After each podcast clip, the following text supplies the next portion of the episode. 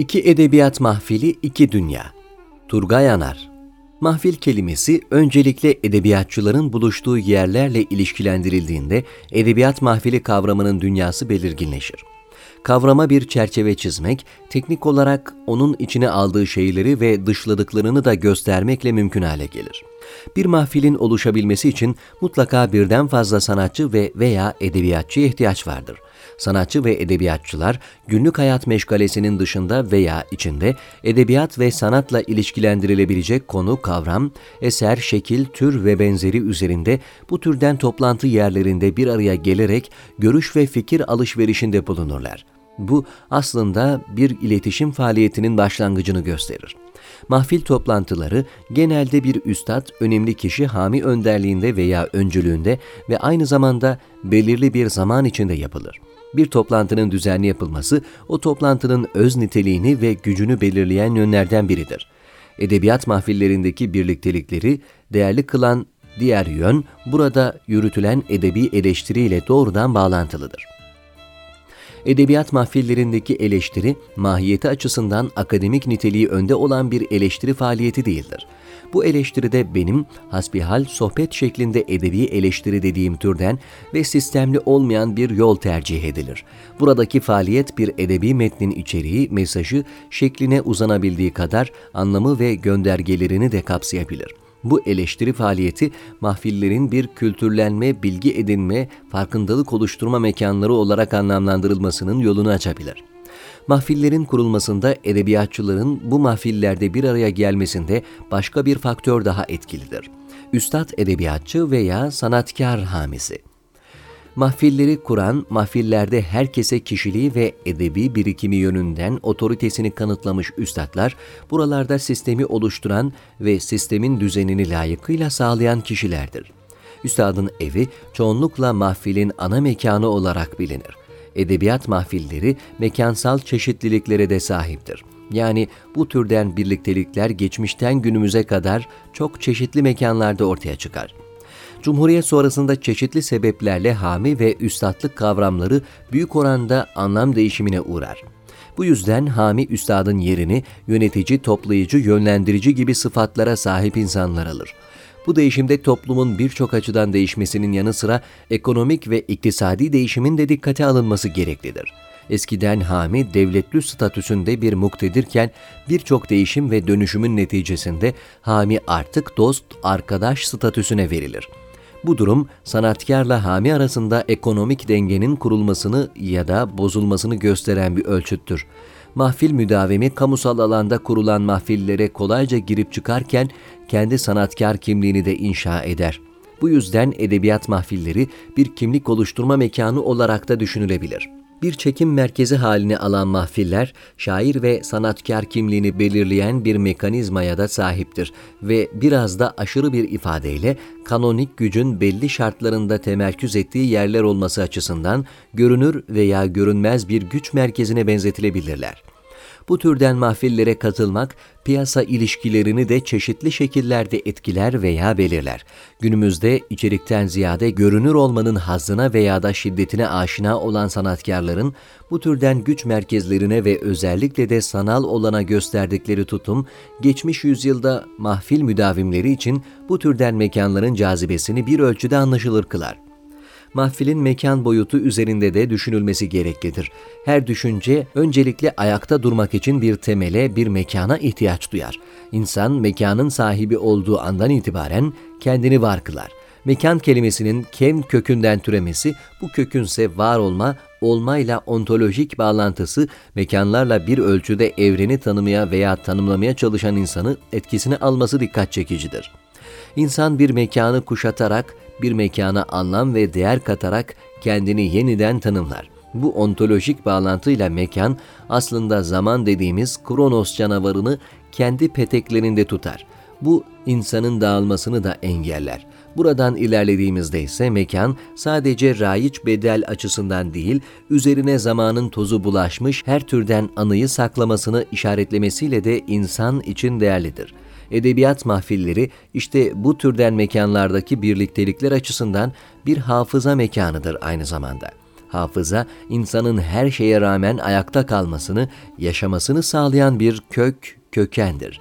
Bir mahfilin mekan olarak ortadan kalkması, orada cevelan eden hatıraların da yok olmasına işte bu yüzden sebep olmaz. Şimdi iki edebiyat mahfili ile ilgili bilgiler vererek görüşlerimizi somutlayabiliriz. Abdurrahman Sami Paşa'nın içinde yüze yakın insanın bulunduğu Taş Kasap'taki 60 odalı konağı devlet kademesinden önemli kişilerin buluşma yeridir. Eski devirlerde eğitim öğretim faaliyeti devlet eliyle düzenlenmediği için hemen her konak ve köşk bir okul, çeşitli derslerin ehil hocalar tarafından verildiği bir akademiye de benzer. Buralarda alanında söz sahibi hocalar ders verir, çocuk ve gençleri eğitir. Erkenden uyanan bazı ev sahipleri yurt dışından getirdikleri hocaları bütün masraflarını karşılayarak evlerinde ağırlardı. Bu yüzden bu tür mekanlara gidenler için kullanılan şu konağa devam ediyordu gibi sözler bir gerçeği dile getirir. Bu tespit hanegi kavramını ortaya çıkarır. Hanegi, eskilerin devletli ismini verdikleri iktidar sahibi şahısların evlerinde yaşayan, her türlü maddi ihtiyacı karşılanan ve bu evdeki insanları ilmiyle eğiten kişilerin unvanıdır. İşte bu hanegiler Sami Paşa'nın kendi çocuklarıyla birlikte yakın akraba ve dostlarının çocuklarına da konağında çeşitli alanlarda dersler verir. Türk Edebiyatı'nda daha sonra vereceği eserlerle şöhret kazanacak olan Sami Paşazade Sezai de bu evin bir çocuğu olarak hiçbir resmi mektebe gitmemiş, Taşkasap'taki bu konakta ve Horhor'daki Abdüllatif Subhi Paşa konağında özel hocalardan dersler alarak yetişmiştir. Bu derslere küçükken Abdülhak Hamit'in de katıldığını eklemeliyiz. Aslen Moralı olan Abdurrahman Sami Paşa, Osmanlı Devleti'nin ilk marif nazırıdır. Edebiyat ve tasavvufla da yakından ilgilenen Sami Paşa'nın çeşitli eserleri vardır. Konağın Yesari'nin elinden çıkmış harikulade yazı ve yaldızlarla süslü salonunda pek çok edebiyat ve sanat toplantısı yapılır. Bir ilim akademisi kimliğindeki bu mahfili Sami Paşa bizzat yönetir. Konakta hocalık yapanlar, hanegiler arasında Fabre Mirza Safa, Hoca Abdülkadir Efendi, Mortman ve Arapça hocası Hoca Mesli dikkat çeken isimlerdendir. Bu isimlerin dışında Sami Paşa'nın konağının müdavimleri arasında Osman Nevrez, Hakkı Bey, Kazım Paşa, Yenişehirli Avni, Süleyman Hüsnü Paşa, Namık Kemal, Abdülhak Hamit, Musa Kazım, Ziya Paşa, Ali Suavi ve Paşa'nın oğlu Sami Paşazade Sezai yer almaktadır. Konağın devletle yakın temasta bulunan misafirleri ise Sadrazam İbrahim Paşa ve ailesi, dillere destan zenginliğiyle maruf ve telemak mütercimi olarak şöhret kazanmış olan Yusuf Kamil Paşa ve eşi Zeynep Hanım'la Prens Mustafa Fazıl Paşa'dır. Yeni Osmanlılar Cemiyeti'nin kurucuları da hem bu konağın hem de Abdurrahman Sami Paşa'nın oğlu Abdüllatif Subhi Paşa'nın konağına devam eden şahıslardan oluşur. Abdurrahman Sami Paşa devrin önemli alim ve sanatkar hamilerinden biridir. Konağına aldığı kişilere sürekli yardım eden ve onları koruyup kollayan Sami Paşa, çevresinde bulunan ve sıkıntılı yaşayanlara eli açık davranır. Sami Paşa, Ali Suavi'yi de himayesine alır ve ona konağında bir oda tahsis ederek devrin sıkıntıları arasında kaybolup gitmesini engeller. Sami Paşa'nın Çamlıca'daki köşkü de sanatçıların uğrak yeridir. Köşkte mutlu günler geçiren Sami Paşazade Sezai'nin komşusuysa ünlü şair Abdülhak Hamit'tir. Buradaki sohbetlerin önüne bizzat şahit olan Hamit, köşkün harabeleri karşısında fazlasıyla içlenerek şu dizeleri yazı verir. Sami Paşa harabesi, mazi mesiresi, zahirdi bir tarafta selami hatiresi, olmuştu komşuluk bize badi-i iktiran, bir mektebi edepti bu virane bir zaman, bir asrı muhteşem burada eylemiş mürur. Hamit'le Sezai vakitlerini bir edebiyat mektebi olan Çamlıca'daki bu köşkte yaramazlıklar yaparak ve eğlenerek geçirdiler. Sami Paşa'nın ölümüyle konak eski şatafatını kaybetti. Buradaki toplantılar Paşa'nın oğlu olan Abdüllatif Sufhi Paşa'nın konağına taşındı. Şişli'de Maçka Caddesi ile Bronz Sokağı'nın kesiştiği 35-41 numaralı yerlerdeki Maçka Palas apartmanı birçok ünlünün yaşadığı bir mekandır. Yapının yerinde eskiden Münire Sultan'ın sarayı bulunur. Saray Vincenzo Caviano'ya satılır ve o da İtalyan asıllı mimar Guilio Mongeri'ye 1922'de Maçka Palası yaptırır. 64 geniş dairesi olan apartmanda farklı zaman dilimlerinde Keçecizade İzzet Paşa, Celal Bayar, Kerime Nadir ve Turgay Şeren ikamet eder.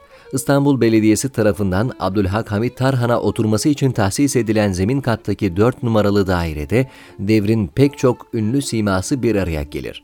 Buranın bir edebiyat mahfiline dönüşmesinde Hamit'in eşi Lüsyen Hanım'ın ilgi ve misafirperverliği de etkendir.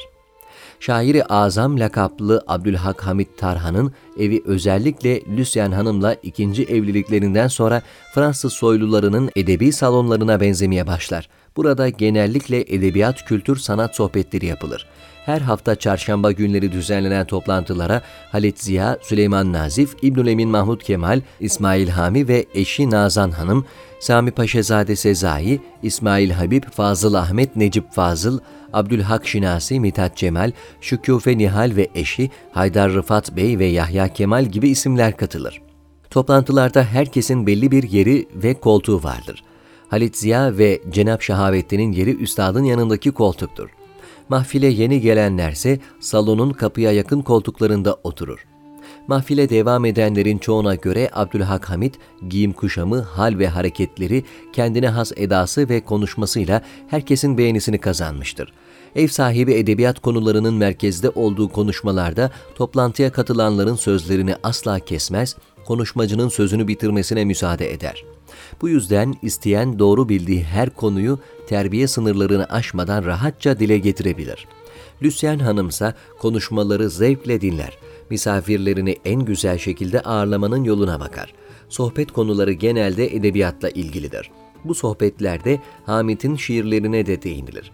Halit Fahri'nin bulunduğu bir toplantıda söz, şairin ünlü Makber şiirinden açılır. Daha sonra Hamit'in şiir yazıp yazmadığını merak eder buradaki insanlar. Fakat şair onlara yeni yazdığı şiirini okumak istemez. Lüsyan Hanım içeriden şairin son yazdığı şiirini getirmeye gider. Döndüğünde Lüsyan Hanım'ın elinde Gazup Bir Şair isimli bir şiir vardır. Hamit zor günlerini anlattığı şiirini misafirlerinin gözlerinin içine bakarak okur. Bu toplantıların mahiyetini anlatan ilginç anekdotlar da vardır. İşte bunlardan biri. Şiirlerini başkasına okumaktan çok fazla zevk alan Florinalı Nazım bir gün üstad tarafından öğle yemeğine davet edilir. Yemekler yenilir, kahveler içilir. Salonda koltuğa kurulan Hamid, rehavetin etkisiyle gözlerini kapattı kapatacaktır. Florinalı, üstadım size son şiirimi takdim etmek istiyorum der. Üstad hemen cevap yapıştırıverir. Hiç zahmet etmeyin, ben siz okumadan da uyuyabilirim. Hamit'in en sevdiği misafiri genç şair Necip Fazıl'dır. Edebiyat aleminde yeni yeni ünlenen Necip Fazıl, ev sahibiyle aralarındaki yaş farkına rağmen onunla çok iyi anlaşır. Hamit, onun gelmediği toplantılardan çok fazla zevk almaz. Bir toplantıda henüz entelektüeller arasında tam anlamıyla kabul görmemiş harf inkılabı da konuşulmaktadır. Necip Fazıl, yapılan inkılabın bazı zararlı yönlerinin olduğunu söyleyerek bu harflerle zeka terbiyesinin bile yapılamayacağını iddia eder. Hamit de onun fikrini savunur ve alaycı bir şekilde sözünü şöyle tamamlar. Ömrümün sonunda ismimin sonuna bir de it ilave ettiler. Abdülhak Hamit'in ölümünden sonra edebiyat toplantıları devam etmez ve mahfil kısa bir süre içinde dağılır.